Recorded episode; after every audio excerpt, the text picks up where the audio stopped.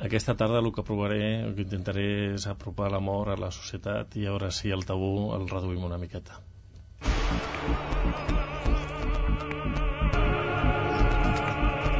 L'Hora de Plutó, amb Núria Ribot. Els rituals funeraris acompanyen l'home des de fa milers d'anys i donen moltes pistes del caràcter d'una societat en cada moment històric. Ara vivim en una societat que en general ha girat l'esquena a la mort, mentre que els professionals del sector funerari s'esforcen per renovar-ho.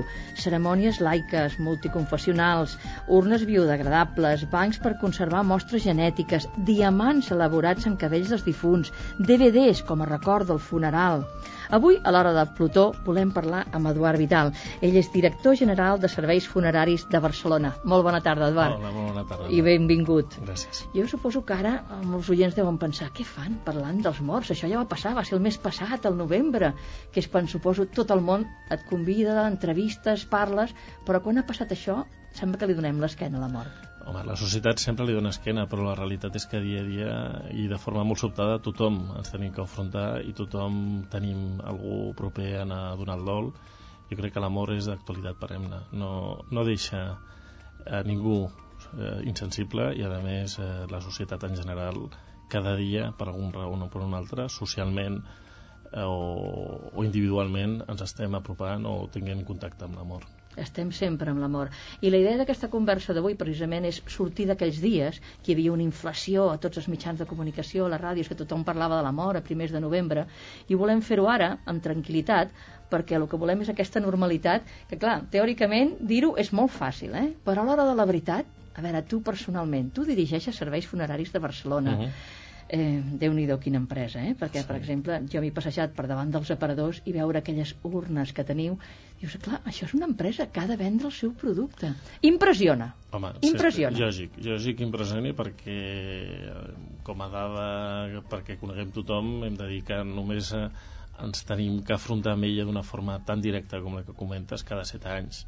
Les famílies només de mitja tenen una pèrdua cada set anys però eh, diàriament eh, estem a prop en els tanatoris o estem acompanyant el dol a molts dels seres estimats.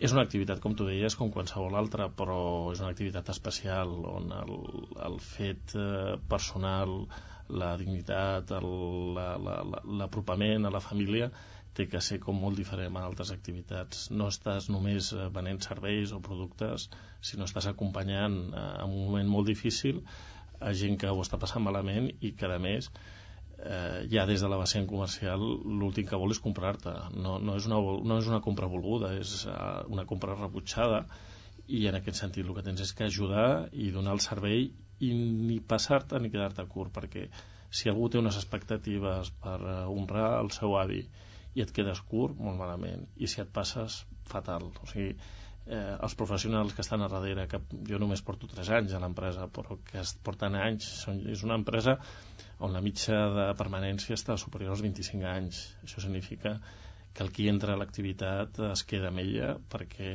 perquè li té una vessant personal que s'enganxa, no, no només és laboral. Eh, I això fa pues, que, que has de tenir molt clar, eh, en poques paraules, entendre el que et vol la família i poder-ho fer i muntar en menys de 4 hores tot un servei que es desenvoluparà en les pròximes 24-48 hores no és fàcil. Eh, podria ser similar a moltes activitats, però és molt específica amb altres, amb altres parts. No? M'et dirigir a aquesta empresa, perquè no deixa de ser una empresa, i les uh mhm. -huh. empreses tenen compte de resultats. Exacte. I la veritat és que em costa parlar d'aquesta manera, però si aquesta conversa el que volem és normalitzar i també apropar, i els oients que estan escoltant ho vegin amb aquesta normalitat, és una part de la nostra vida i, uh -huh. i anem de parlar, no? Però clar, compte de resultats. Tu com a director has de mirar tot allò que pugui ser interessant que els pugui ajudar en aquell moment, com aquest aparador mateix. Clar, uh jo no fa, no fa massa temps que el vaig veure aquest aparador. I això era una cosa, una novetat per mi veure aquest aparador amb les urnes a fora. Pues... Diu, aquest és el producte, diguéssim, de manera, un dels productes. També estan els taüts a dintre, etc etc. sí, no? Sí. Però dius, déu nhi des de fora al carrer passejant i et trobes allò. Pues mira, va ser un repte que vaig eh, donar a l'empresa que va fer l'aparador. Voler fer un bon aparador com si estigués al Passeig de Gràcia, però amb una activitat tan difícil com és l'activitat funerària i a més fer-ho sense eh, incomodar ningú que passi pel carrer i que vegi que no se senti incomodat i a la vegada amb el punt de que atraure per poder atraure l'interès que algú que ho necessiti o que estigui pensant o estigui necessitant eh, en pocs dies el servei que es pugui entrar a apropar. I, i, i després no només eh, pròpiament l'activitat del dia eh, on tens un difunt a la família, sinó tot el que és els serveis de manteniment i de làpides del cementiri que periòdicament necessiten una renovació i amb la qual és apropar tot aquest eh, material perquè la gent que ho necessiti ho tingui solucionat a l'abast però sense que incomodi el que no ho vol tenir i no vol eh, pues, ni sentir a parlar. No? Uh -huh. Quan tu expliques o et demanen on treballes i dius que treballes a serveis funeraris, quina cara fa la gent, els que no et coneixen? Doncs pues mira, la primera dos minuts o tres minuts és de rebuig, claríssim. És a dir, com, com treballes amb l'activitat així? Però sí, en primer no tens aparença d'enterrador, perquè el primer que et ve és... és pensar en aquesta imatge. En l'enterrador, no? Eh, I el, tot al revés, jo vinc del sector financer, vinc de la, del sector de les assegurances, però és un servei més de les assegurances, precisament encarregar-se d'un servei o d'un moment tan difícil i donar un servei oportú en aquest moment, no? Però per l'altra vessant eh, m'he autoimposat eh, el que el nostre equip, no jo sol, sinó tots els que treballem a Serveis Funeraris de Barcelona, innovar amb productes i amb serveis i intentar treure 5, com a mínim 5 serveis a l'any o 5 productes nous a l'any. D'aquests, potser només un val, només un satisfà o, o, o ajuda algú, però almenys ho hem provat i d'aquesta forma, en el llarg dels anys, doncs, acabarem tenint el servei o, o els productes que la gent realment eh, necessita, sobretot una necessitat o volen, si és que és una compra pues, més impulsiva o perquè té un record o una necessitat puntual. Abans comentaves, per exemple, el tema dels diamants. Eh, pues, hi ha gent que ho troba pues, una bajanada. Com, com podem pensar en fer diamants amb els cabells? Pues, jo sempre explico que l'idea va sorgir d'una mare que va perdre un fill i que, i que era una forma de tenir-lo més a prop possible amb aquest fill que ha perdut, que ningú li reemplaçarà i que no el tindrà mai més, però que el té més a prop i que no el té en cementiri deixat, que el té amb ella i el té identificat amb aquesta joia, que és el seu fill i que el porta on ella vulgui. I, i bueno, si amb això ajudem només que sigui una persona, doncs benvingut al servei. No? Aquest és un dels productes, diríem, perquè estem parlant en termes empresarials. També deia el DVD, com a mm. record del funeral. Clar, Aquest... tot això que seria normal amb un casament, una primera comunió o una festa, insisteixo, arriba el moment de la mort, que és una part més de la vida, i en canvi ens sobta, a mi em sobta. Home, és que la mort és un fet social en l'entorn quan tens que donar el dol, tens que acompanyar la família que està tinguent un patiment, però a la vegada la família que pateix aquest patiment eh, ho té que comunicar al seu entorn perquè sàpiguen i acompanyin en el difunt. Llavors és un joc de, de presències en un entorn i el que tens és que intentar pues, que sigui en un entorn el màxim còmode i plàcid possible no? no ho estem aconseguint, sóc el primer que sóc autocrític, hi ha tanatoris a la ciutat que tenen que encara reformar-se i adaptar-se però amb els nous que hem fet hem buscat això precisament la família que vol estar recollida, que pugui estar tranquil·la, com si estigués a casa, perquè en el fons en el passat el dol es passava a casa, el difunt estava a casa i la família el que feia era convidar a casa seva a tothom que volia acomiadar el difunt i veure per última vegada. Precisament això de treure'ls de casa fa que ens allunyi de la mort, perquè, bueno, no sé, jo recordo de petita haver vist els avis i estar al voltant, i estar a la casa, i arribar els veïns, arribar a la família, i els dinars, i els sopars, i veure, i clar, convivies amb aquella persona com a mínim 24 hores. Ara te la treuen, va a un lloc maco, escèptic, aquests tons que hi ha ara amb els tanatoris, i clar, te l'allunyen i la mort no es veu de la mateixa manera. Potser el que volem fer és contraproduent, no? Si volem que la mort forma part de la vida, ens, atraiem, ens la traiem de sobre no, ràpid. Aquí, aquí tenim que um, sopesar dos, dos situacions. Una és la pròpiament higiènica de tenir el difunt a casa i com tractem el difunt, el preparem i l'exposem i fem la presentació del difunt amb tot el que té la vessant, que crec que és més important, la vessant social, personal i, i, i, i, i familiar de la pèrdua d'aquesta aquest, persona. Però jo faria un paral·lelisme eh, amb totes les distàncies i, i tota la, el, els respectes. Eh? També abans eh, es donava el naixement a casa i fa molts anys que s'ha deixat de fer i es fan els hospitals per, per mesures eh, sanitàries i per al futur del nano eh, i ningú ha allunyat els naixements bueno, de les ara ha, famílies. ha tornat aquesta moda de casa, però supercontrolada, també és veritat. Home. Controlada per metges, però casa. Però la, la, a ma- casa. la majoritàriament també també ja fem serveis a domicili, no pensis, eh? més de 200 persones al llarg de l'any. Si hi ha gent que vol estar a casa fins l'últim moment, la I volen tant, tenir, Per suposat. No, Ahà. no, no, no és que ningú també obliga, facilita aquest servei. A... ningú obliga a la utilització del tanatori. No, no és així. L'únic és que eh, els pisos cada vegada són més petits, a l'acollir gent en tot, tan eh, curt espai de temps és molt difícil i en canvi si tens un espai adient preparat com és el tanatori doncs home, el distancies del seu entorn habitual, és veritat, però a la vegada pots rebre molt millor i sense tanta incomoditat. Has de pensar que després hi ha un trasllat cap al cementiri o cap al crematori que amb un domicili es, es fa molt més complicat perquè no tots els pisos estan suficientment espaiosos als espais d'escales o d'ascensors com per poder retirar aquest difunt i portar-lo al cementiri. Eh, però que quedi molt clar que tothom que vulgui fer el dol a casa, que vulgui fer el, el, la presentació del seu difunt eh, està perfectament permès. Mhm. L'únic és que ha de passar pues, unes mesures higièniques, aquest difunt d'estar condicionat i ha d'estar enfaratrat abans de fer aquesta presentació. A partir d'aquí, eh, tot el servei funerari és el mateix. Però jo voldria continuar fent aquest paral·lelisme que et deia. Eh, els naixements fa temps que no es fan a casa, minutàriament actual- actualment, i eh, el que és el dol i la pèrdua eh, hem de pensar que a Barcelona vam ser pioners l'any 1968 ningú volia anar al tanatori que va ser el, el tanatori de Sancho d'Àvila ningú volia eh, tothom volia estar a casa i ara, ja et dic, només 200 persones de més de 18.000 només un 1% entre un 1 i un 2% vol estar a casa. I, i aquí això majoritàriament tampoc ho canviarem o sigui, al revés. Eh, qui vulgui estar a casa ens ho té que dir Ah, i ens ha de donar almenys el temps per poder muntar el servei clar, no és Mhm. el mateix amb un tanatori que a domicili Amb aquests anys que portes al front dels serveis funeraris de Barcelona, la teva conclusió amb la gent d'aquí és que realment eh, esperem a l'últim moment, no estem preparats, donem l'esquena, o fins i tot quan els hi pre presentes aquests nous productes fan escarafalls? Vull dir, la gent encara reacciona d'aquesta manera o, o, ens, o anem evolucionant respecte a la mort? No, jo crec que la societat no canvia tan ràpidament, ni molt menys. L'únic que hem de saber explicar i argumentar per què hem posat en marxa aquests serveis i quins casos, si s'identifica la família, pot, ser, pot utilitzar-los.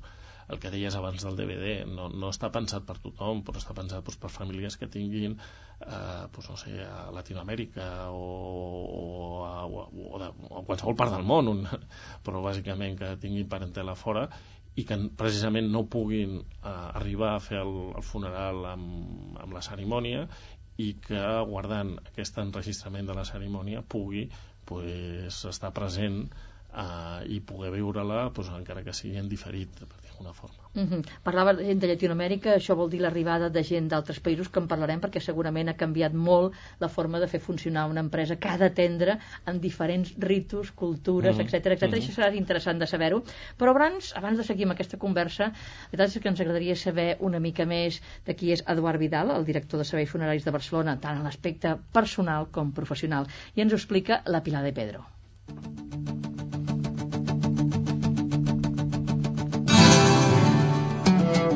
Avui passa per l'hora de Plutó Eduard Vidal, un home que treballa en un sector que diu que li ha canviat la percepció de la vida i la mort.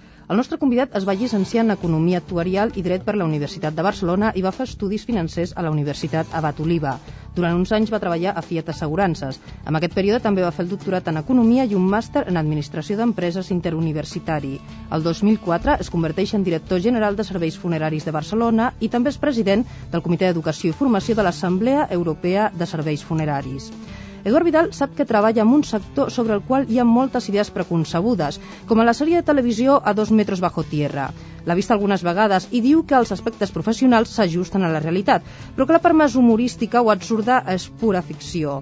El nostre convidat, que és lleó de signe del zodíac, no té fills però té molts nebots. Quan no treballa, intenta trobar temps per fer esport, practica esquí aquàtic i esquí de neu, juga a tennis i té una passió oculta, el dòmino. Abans d'entrar al sector, Eduard Vidal només havia visitat el cementiri de la Recoleta de Buenos Aires fent turisme, però ara, sempre que viatja a algun lloc, aprofita per fer un vol pel cementiri. Diu que el que més l'ha impressionat és el de la ciutat d'Istanbul. Dins del cementiri hi ha un bar i un hotel, i com que està ubicat en un vessant mirant el Bòsfor, les parelles s'hi van a festejar. A ciutats com París i Londres és habitual que els turistes visiten els cementiris. El nostre convidat explica que es pot aprendre moltíssimes coses sobre la història d'una ciutat passejant-hi una estona. Per si us animeu a fer-ho per Barcelona, us en recomano un parell de llibres que us poden orientar una mica. Un passeig pel cementiri de Poble Nou, editat fa 3 anys per serveis funeraris, i Morts il·lustres als cementiris de Barcelona, de Jaume Noia i Margarita Puig, publicat per Angle Editorial. Ara, el nostre convidat ens explicarà més coses. Eduard Vidal, seguint el que en deia ara mateix la Pilar de Pedro, passeig pel Poble Nou, llegia l'altre dia que està d'obres. Bueno. Clar, mm, s'han de renovar, m'imagino. Obres, què, de renovació, de reconstrucció... No només aquest cementiri, eh, jo diria que quasi set dels nous cementiris de la ciutat estan en obres en aquest moment. Qui ha pogut visitar-los durant eh, ara tots sants ho haurà vist perquè ho hem posat eh, a fora cada cementiri, quines reformes es fan i quina inversió es fa amb ells. Això és una voluntat eh, clara per part dels accionistes, a l'Ajuntament de Barcelona i Memora, que és una filial del grup Acciona, que estan disposats a invertir en els equipaments de la ciutat, un equipament com és el cementiri, per millorar el servei.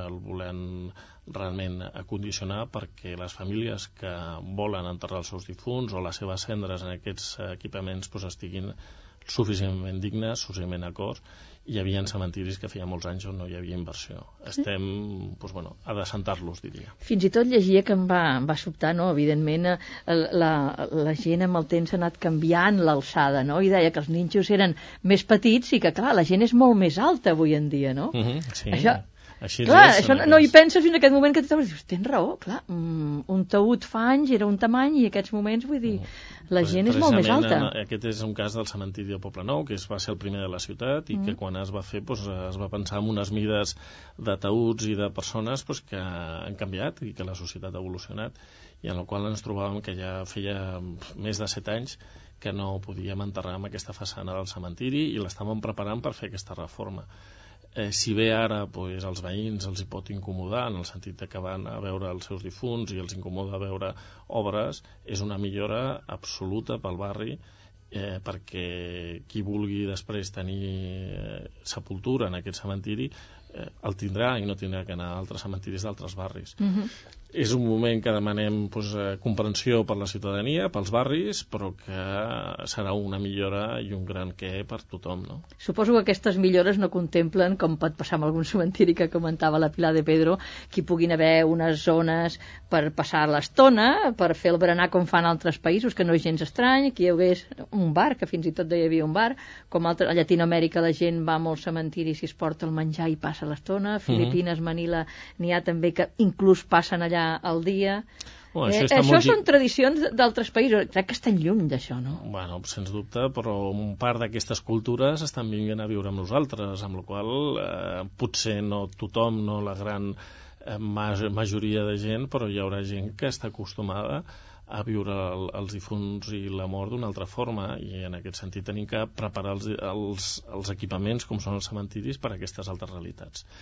Eh, el que et deia potser és extrem, no? Per això em va sobtar i per això doncs, bueno, crec que és bo que ho coneguem, però en un cas específic no, no és que sigui ni molt menys o replicable a la ciutat de Barcelona però sí que crec que tenim que per exemple millorar amb, amb serveis Eh, la, el servei de flor no està ben cobert tenim que eh, apropar per qui vulgui comprar flors pels seus difunts no tingui que portar-les de casa, portar-les de lluny, sinó que trobi un flor en el cementiri a preu correcte, a bon preu i que pugui eh, pues, adornar, acompanyar el seu difunt a aquesta sepultura amb, amb flors si és que vol. Eh, això és un, la cultura de la flor sí que és nostra, és real i està arrelada eh, només hi ha que veure la campanya de Tots Sants eh, hi ha molta gent que es demana llicència per un dia per poder vendre flors en els cementiris eh, crec que aquest servei el tenim que incorporar en els serveis de, de, dels cementiris de la ciutat. Mm -hmm. Mica en mica ho farem, no, no és que siguin tots els cementiris, però tenim planificat eh, anar-lo anar, -lo, adaptant. No? Mm -hmm. Quines són la, les grans, diguéssim, eh, iniciatives que ara prendrà serveis funeraris? No fa massa, l'any passat, els dos últims anys, hi havia una sèrie de conferències, no?, de Mhm. relacionar la mort amb diferents cultures, països, diferents enfocs sobre la mort, etc Mhm. etc. Quina sèrie d'iniciatives hi ha que ens l'apropin d'una manera que en puguem parlar així, mm, tranquil·lament? Aquest cicle que comentaves és mm, quasi un repte personal. Aquest em vaig jo posar com a idea per trencar el que és el, el tabú amb l'amor a través d'un cicle de conferències específic que es veiés les, la, des de diferents vessants artístiques o culturals, des de l'antropologia, la història, l'arqueologia inclús, o pròpiament la psicologia o inclús la ciutat, pròpiament la ciutat, com, com percep la ciutat i com s'equipa la ciutat. No? Per això el primer conferenciant, i li vull agrair perquè va trencar el foc, és l'Anton Maria Espadaler. Eh? Es va parlar de, de l'antropologia. Un home brillant i irònic, que sí. és capaç segurament de fer aixecar un mort, que diu. Eh, però ell mateix reconeixia en un article de que va tenir amics seus de que li van dir que, que vindrien a escoltar-lo a parlar un tema que li cridaven l'atenció però la veritat van tenir aquest tabú a Sancho d'Àvila i, no, i al final no va venir quasi ningú dels que ell pensava que, que anirien no? Però d'aquesta primera conferència, l última que, que vam fer sobre un monge budista, de com percep i com viu la vida i la mort i com és el trànsit pels budistes, eh, ha passat eh, pues, quasi dos anys i pico i de pocs, com, pocs assistents ara ja pues, es tenim quasi fixes uns 90 assistents a cada conferència que és un èxit pensant que a vegades ho fem en dies de futbol en dies especials i que, i que, bueno, que creiem que, que amb una periodicitat de cada mes mig, cada dos mesos és suficient com per uh. -huh. obrir aquest debat i aquesta reflexió eh, junt la més que ve tindrem el Màrius Carol eh, li hem proposat al Màrius pues, que, que ens doni la seva visió de l'amor i, com, i com es comunica i com es veu i tenim una pues, que no te, la, no t'avanço el conferenciant però també és important però que ens parlarà del còmic el còmic i l'amor i com eh, es grafia l'amor en les diferents situacions de la, del, del còmic no? eh, el que pretenem és no et diré fer caure el tabú, però sí apropar d'una altra visió, d'unes altres formes, l'amor uh -huh. a la mhm. societat. Ens pot ajudar el fet de, de, de la immigració, la procedència de diferents gens, cultures, que fa que cadascú té els seus ritus, perquè tots tenen un ritus, no? Totes les cultures pràcticament al final de la vida té un ritus diferent, però tots tenen els seus ritus, no? I en aquest un... moment suposo que és el gran repte vostre, no? Clar. Com atendre aquesta població tan variopinta? Precisament perquè cada un té les seves creences i amb les seves creences fa que un, cada ritual sigui diferent o cada situació sigui diferent diferent. Per això una de les últimes eh, iniciatives que hem posat en marxa eh, és un DVD sobre les diferents cerimònies eh, religioses o funeràries religioses per les diferents eh, religions o més, eh, direm, tant les més majoritàries com les més diferents, perquè hem volgut posar una mica, una mica totes per, per fer-lo interessant, no? El títol és molt transgressor, però a la vegada està pensat eh, no per ferir a ningú, eh? Però li hem posat T'ha arribat l'hora. Sí, i... és molt interessant. Que es va emetre per TV3? Eh, es va vendre per Barcelona Televisió ah, i eh, TV3 ens ha demanat uns talls uh -huh. per, també per incorporar-lo al seu programa de fets religiosos i de cultura religiosa. El, bàsicament el que hem volgut amb aquest DVD eh, i a més l'hem llançat per tots sants és per eh, dir a la societat de Barcelona eh, escolta, no només tenim funerals eh, eh, normals, eh, que per dir catòlics cristians, eh, és veritat que aquests són el 92%, eh, però hi ha un altre 8% que o no té cap tipus de connotació religiosa o té altres religions i l'hem de cuidar igual que els altres. Eh, jo diria que després del catòlic cristià és el laic, el precisament el que no té connotació religiosa i que ens fa a nosaltres posar molts mitjans, tenim més de 23 oficials de protocol que amb dues hores de conversa amb la família ha d'estar disposat a, a, a conduir una cerimònia religiosa sense contingut, perdona, no religiosa, sense contingut laica, religiós, uh -huh. laica totalment, eh, però conforme la família vol, eh, si vol incorporar música o vol incorporar una lectura, un poema, una determinada participació d'algú, pues, que estigui ben conduïda, ben presentada i ben portada. Aquest estaríem parlant que és un 5% de les cerimònies i després en l'altre 3% la majoritària és la musulmana, és la que podríem dir, acompanyada de les cerimònies evangelistes, que aquestes es fan a les seves esglésies, i al final de la cua eh, serien els budistes, que si bé en el DVD li hem, posat, li hem donat molta presència, per, per lo desconeguda que és i lo interessant que és, eh, l'hem deixat eh, pues, que només hi ha dos o tres serveis a l'any de, de cerimònies budistes, però no per això deixen de ser importants. Mm -hmm. He vist aquest documental, és, la veritat és que m'ha agradat, és interessant, però clar, quan parlen tota aquesta gent, tant els catòlics com els cristians ortodoxes com els budistes, parlen des d'una normalitat total, és allò, mm, clar, des del punt de vista religiós, normalment són, eh, són religiosos els que parlen, no? I clar, accepten l'abort d'una forma diferent que, diguéssim, el ciutadà normal i corrent no l'entén d'aquesta mm. manera. Bueno, perquè això és la cultura real, la cultura que, vi, que hem nascut, que hem viscut, que hem crescut i com la sentim, no? I aquest fet de l'amor està allunyat de la, de, la, de la nostra creència majoritària però hi ha altres cultures on creuen que aquest amor en realitat és una transcendència, un pas amb una altra evolució, una quasi, diríem, reencarnació, perquè ho entenguem si bé no utilitzen aquest lèxic, però perquè eh, depèn com hagis estat en la teva vida, estaràs reencarnat amb un altre ser, siguis humà o no, per continuar evolucionant aquest món. No? Mm -hmm. De fet, el nom traspàs Uh -huh. Una mica va per aquí, en lloc de dir la paraula mort, traspàs, no? Sí. Anar-se cap a una altra banda. Sí. Bueno, també hem de pensar que, que no tot és cos, que una part d'ànima, i això és el que creiem majoritàriament, eh, i a la ciutat de Barcelona i en aquest traspàs pues, l'ànima té que estar ben, ben acomiadada o ben acompanyada per dir d'alguna forma però en el món real que nosaltres som els responsables i hem d'ajudar eh, ens queda la família i no l'hem d'oblidar i si bé tenim que fer una religió que conforma a les creences religioses del difunt hem de tenir en compte que queda una família que necessita potser pues, un acompanyament, un, un, un servei suplementari i que no donàvem als serveis funeraris. Per això l'any passat, eh, després de dos anys de treball, vam llançar un servei innovador, que és un servei d'acompanyament al dol, eh, posant eh, psicòlegs professionals especialistes en dol que puguin, si la família ho necessita i ho vol, pues, acudir amb ells per poder pues, sentir-se reconfortat en el dol perquè entendre que, que, bueno, que, que és un procés uh mhm. -huh. de pèrdua eh, normal i que tothom ho vivim d'una forma i tothom hem de saber com eh, ens eh, sortim i ajudar-nos a sortir-nos en aquest sentit. Una qüestió abans d'escoltar una miqueta de música. A la resta de serveis funeraris de Catalunya tenen aquest nivell com el que té de Barcelona? Perquè suposo que ara molts oients que estan escoltant d'arreu de Catalunya diran sí, però clar, això és a Barcelona, sempre aquest centralisme de Barcelona. A la resta de Catalunya el nivell és molt diferent? No, jo diria que els serveis funeraris de Catalunya en general són de gran nivell, eh? tenen uns grans serveis tothom perquè són grans professionals l'únic és que no tothom té els mitjans que té la gran ciutat i en aquest sentit aquests mitjans es permet pues, treballar per innovar, per crear nous serveis i nous productes i mica en mica es van entrant amb altres serveis funeraris.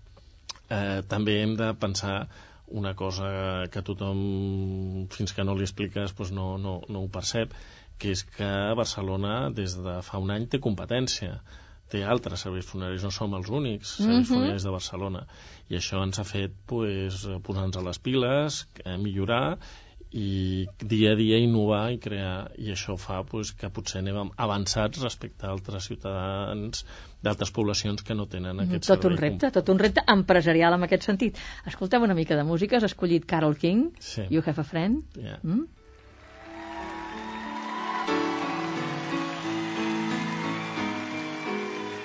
When you're down and troubled and you need some love and care and nothing nothing is going right. Close your eyes and think of me and so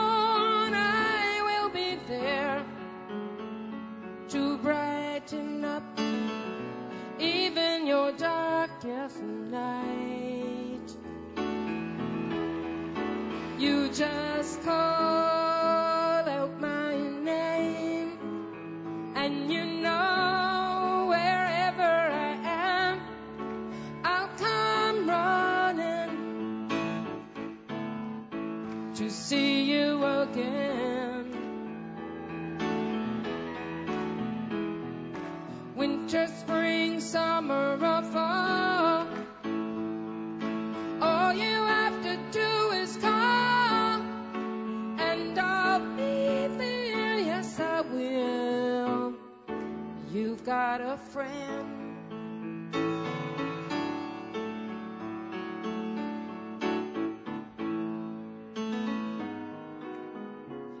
If the sky up above you should turn dark and full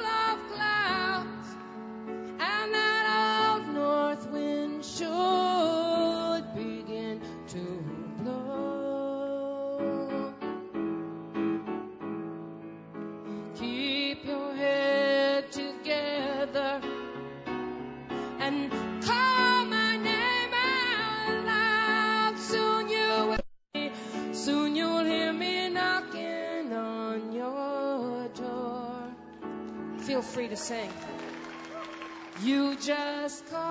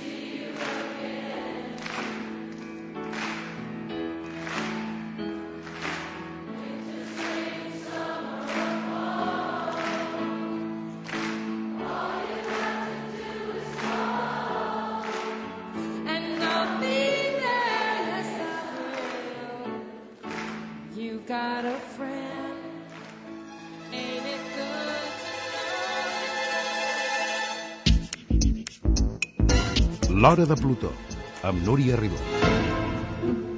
I continuem parlant aquesta tarda amb Eduard Vidal, director dels serveis funeraris de Barcelona.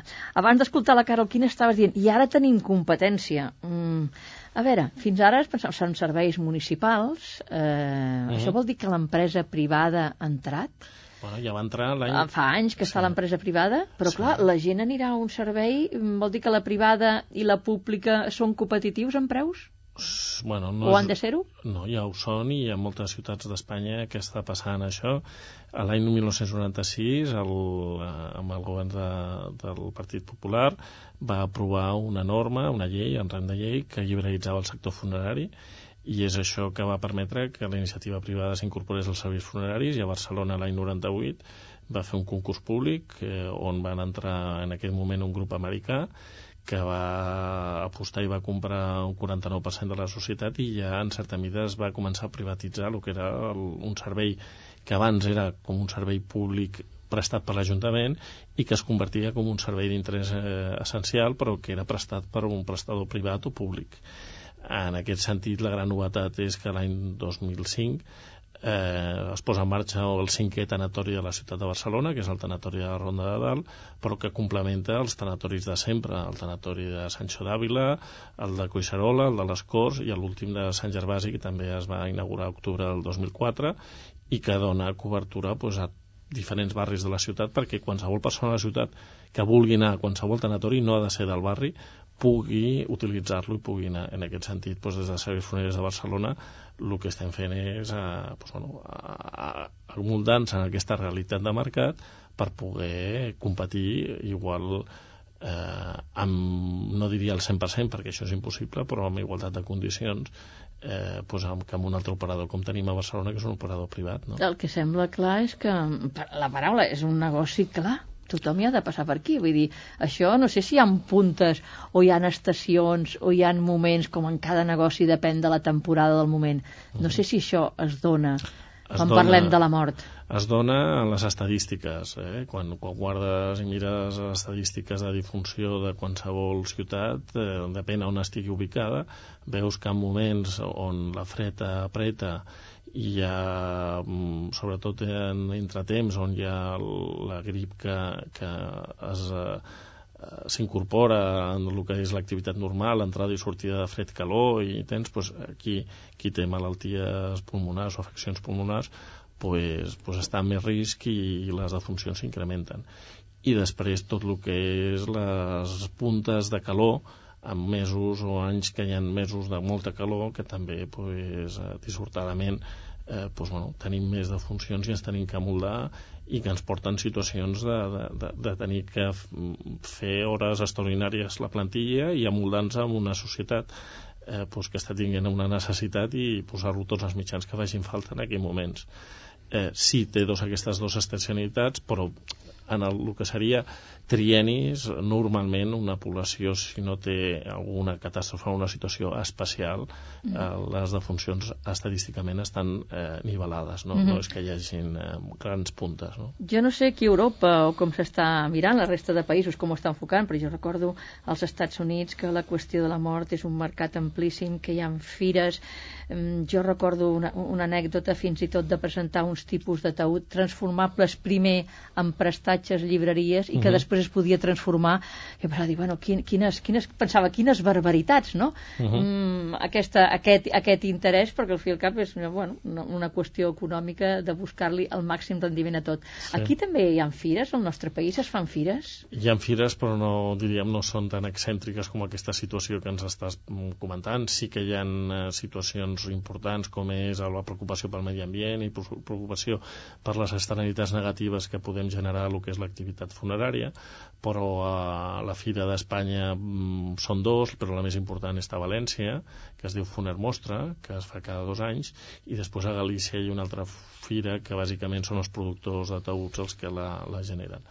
Però les grans fires europees són les que es fan cada 3 anys a Alemanya i la que just eh, el cap de setmana passat eh, s'ha desenvolupat a, a, a París, eh, la Funerer, i que és una fira on ha tingut mm, pues, quasi 30.000 persones visitants i on eh, pues, bueno, genera pues, que tot el productor o proveedor del servei acudeixi a la fira per mostrar els seus serveis perquè els serveis funeraris de tota Europa els incorporin o no en funció de les seves realitats específiques. Mm -hmm. Dintre d'aquesta expansió, tu que presideixes el Comitè d'Educació i Formació del CEF, l'Assemblea Europea de Mm. Serveis Funeraris, Sí. eh, sembla que esteu impulsant aquest màster no?, sobre gestió d'empreses funeràries. Clar, un màster sobre...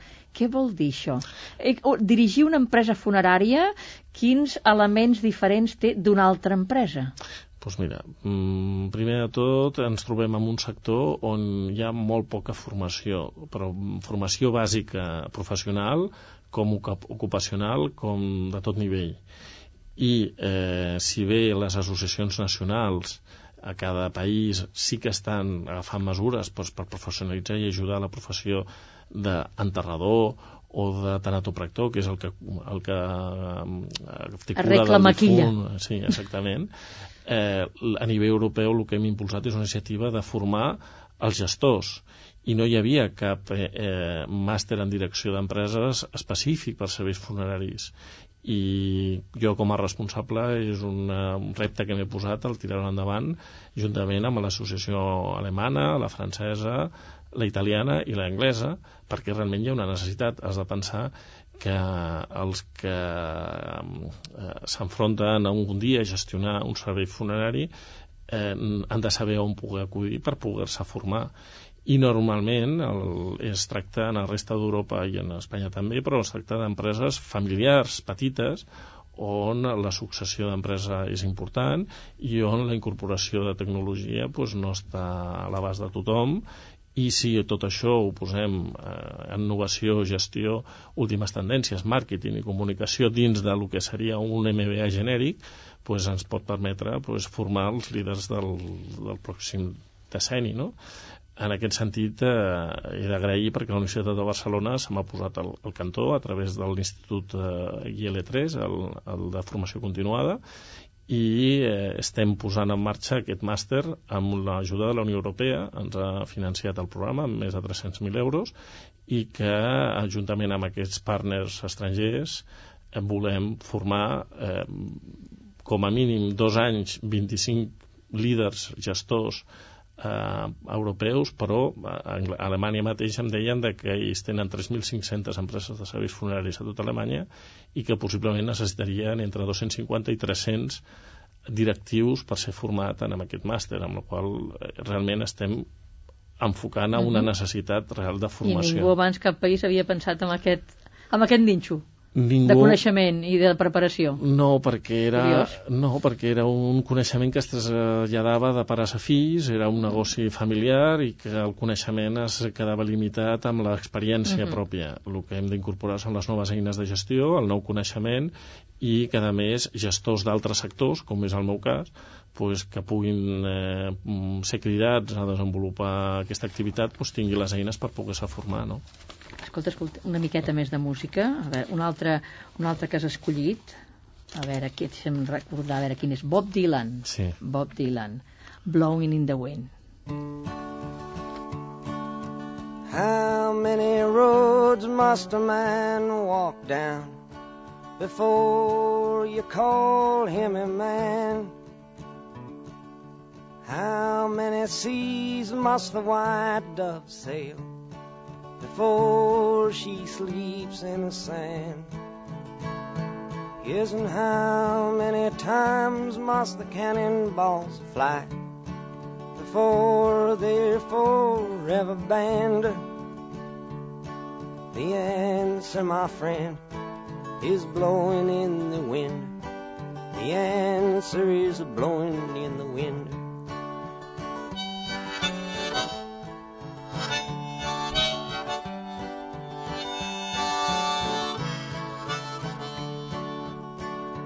Yes, and how many years can a mountain exist before it is washed to the sea? Yes, and how many years can some people exist before they're allowed to be free? Yes, and how many times can a man turn his head and pretend that he just doesn't see? The answer, my friend, is blowing in the wind. The answer is blowing in the wind.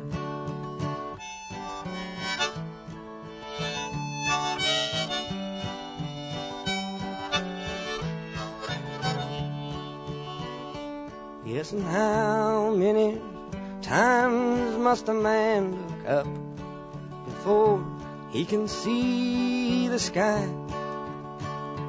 Yes, and how many ears must one man have before he can hear people cry? Yes, and how many deaths will it take till he knows that too many people have died? The answer, my friend, is blowing in the wind. The answer is blowing in the wind.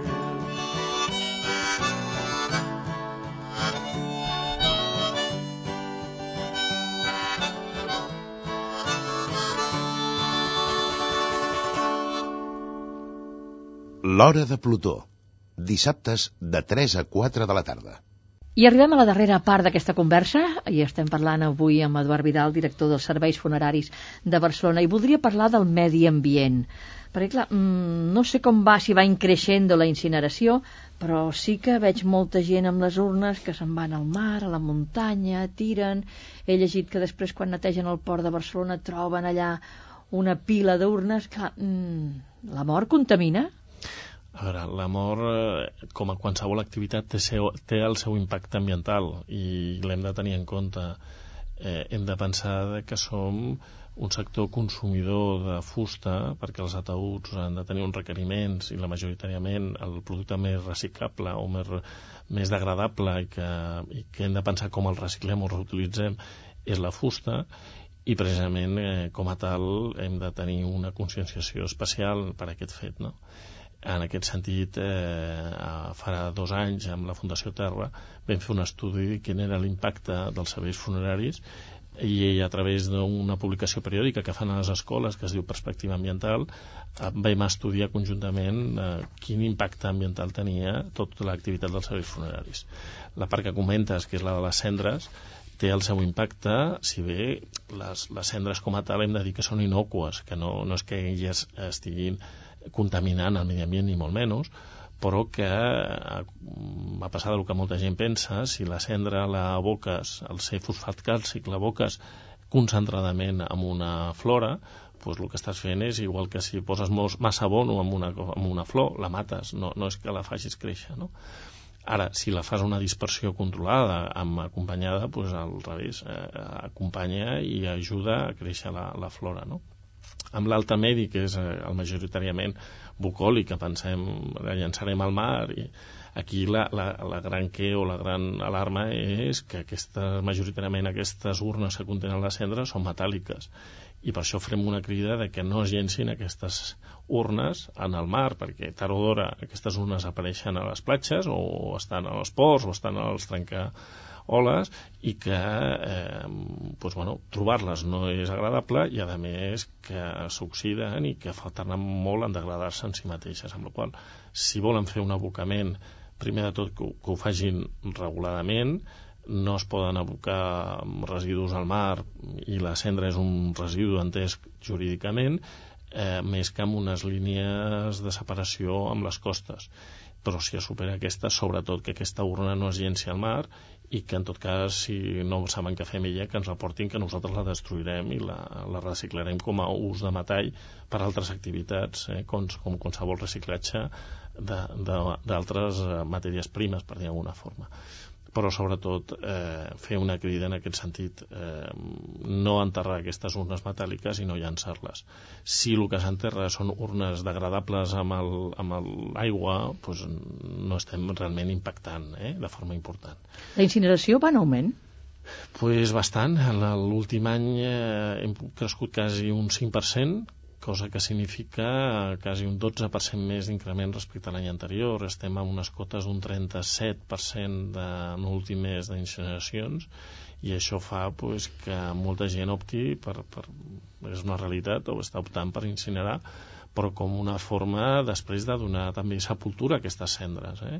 també ha pujat moltíssim l'enterrament d'aquestes cendres a les sepultures que la família té en els cementiris. Mm -hmm. I la gent que vol eh, decideix donar el seu cos a la ciència, uh Mhm. -huh. com funcionen aquí els serveis funeraris? Què veure, passa?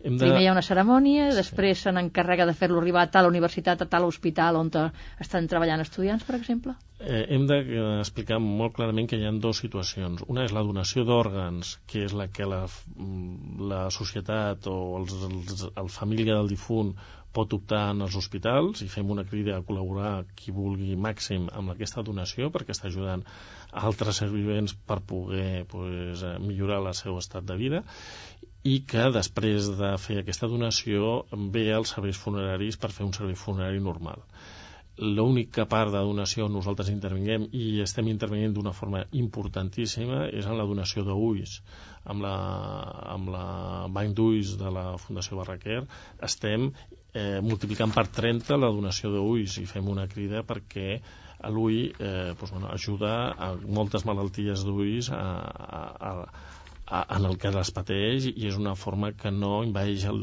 el difunt o el cos del difunt d'una forma significativa. I per l'altra és l'altra vessant que em deies, que era la, la donació del cos. La donació del cos és estrictament per la investigació en les universitats. I aquesta és la que nosaltres fem aquesta cerimònia, com deies, i després, en comptes de donar enterrament o incineració al difunt, la portem a les universitats perquè siguin elles les que investiguin amb aquest eh, difunt. Però una vegada han fet els seus estudis i la- l'han aprofitat per poder eh, pues, eh, mirar i, i, i ensenyar als seus estudiants, ens torna i nosaltres acabem donant sepultura a aquests, eh, aquests difunts en els cementiris, no? O sigui, Mhm. no, no és que quedin en les universitats. Se'ns va acabant el temps, estava aquí fullejant amb aquesta revista vostra dels serveis funeraris i clar, Mhm. vas veient coses que van soltant, no? Aquest, tota aquesta part més social de, de conferències, d'aquesta biblioteca que teniu i veig aquí una col·lecció de carrosses funeràries, vull dir, Sí, bueno, això és des de l'any 68, també quan es va crear Sancho d'Àvila, es va pensar en donar cabuda amb una col·lecció eh, que va participar tots els serveis funeraris de la província de Barcelona. això és poc conegut, aquesta mena de museu el teniu allà dintre el tanatori? Pues més de 2.000 persones a l'any venen a, a visitar-lo i sobretot estrangers, o sigui, és un museu més conegut fora de Barcelona que hi ha moltíssims americans que venen específicament a Barcelona a conèixer això. Hem de pensar que només Barcelona i Viena són les úniques ciutats d'Europa que disposen d'una col·lecció així. Estem parlant de 30 carrosses a cavall, de les, com abans es feia el transport funerari, que estan posades eh, d'una forma ordenada i a més ambientades amb uns adoquins de la Barcelona a principis de segle que el que et permet doncs, bueno, és veure una mica com era el servei funerari, com era la ciutat de Bos, perquè hi ha unes fotografies de, de l'època que, que relata molt bé com, com està fet el servei funerari. Estem al minut final i a mi m'agradaria que, que em diguessis a quina és la conclusió, diguéssim, humana, personal, que n'estàs traient i que en treus d'aquesta feina, de dirigir una empresa que ha de tenir bons resultats, però que estàs tocant la fibra i estàs treballant amb el cor de les persones, no amb els sentiments. pues que és una vessant com més com ajudar a, a la societat i als ciutadans de Barcelona eh, però que cada dia aprenga alguna cosa nova no, no penseu bueno, fa tres anys que em vaig apropar a aquesta activitat ja abans tenia algun apropament en el tema de, de lo que era assegurances però que diàriament encara que no ho sembli aprenc Has perdut la por a la mort? eh, la por pròpia no l- millor dir, la por a la mort pròpia sí, absolutament, però no a la mort dels éssers estimats. Ho deixem aquí. Aquesta és difícil que, que poder-la oblidar. Gràcies, Eduard Vidal. Gràcies a vosaltres. Gràcies també als oients per acompanyar-nos avui. Gràcies en nom de tot l'equip de la Pilar de Pedro als guions, de la Dolors Joanola a la producció i de Luis Ángel Alonso a les vies de so. Si voleu qualsevol comentari o suggerència, tenim un correu electrònic plutó arroba catradio.cat. Te quiero, si te quiero, voy andando como fiera I tras manar, manar posa el punt final. Amar és combatir.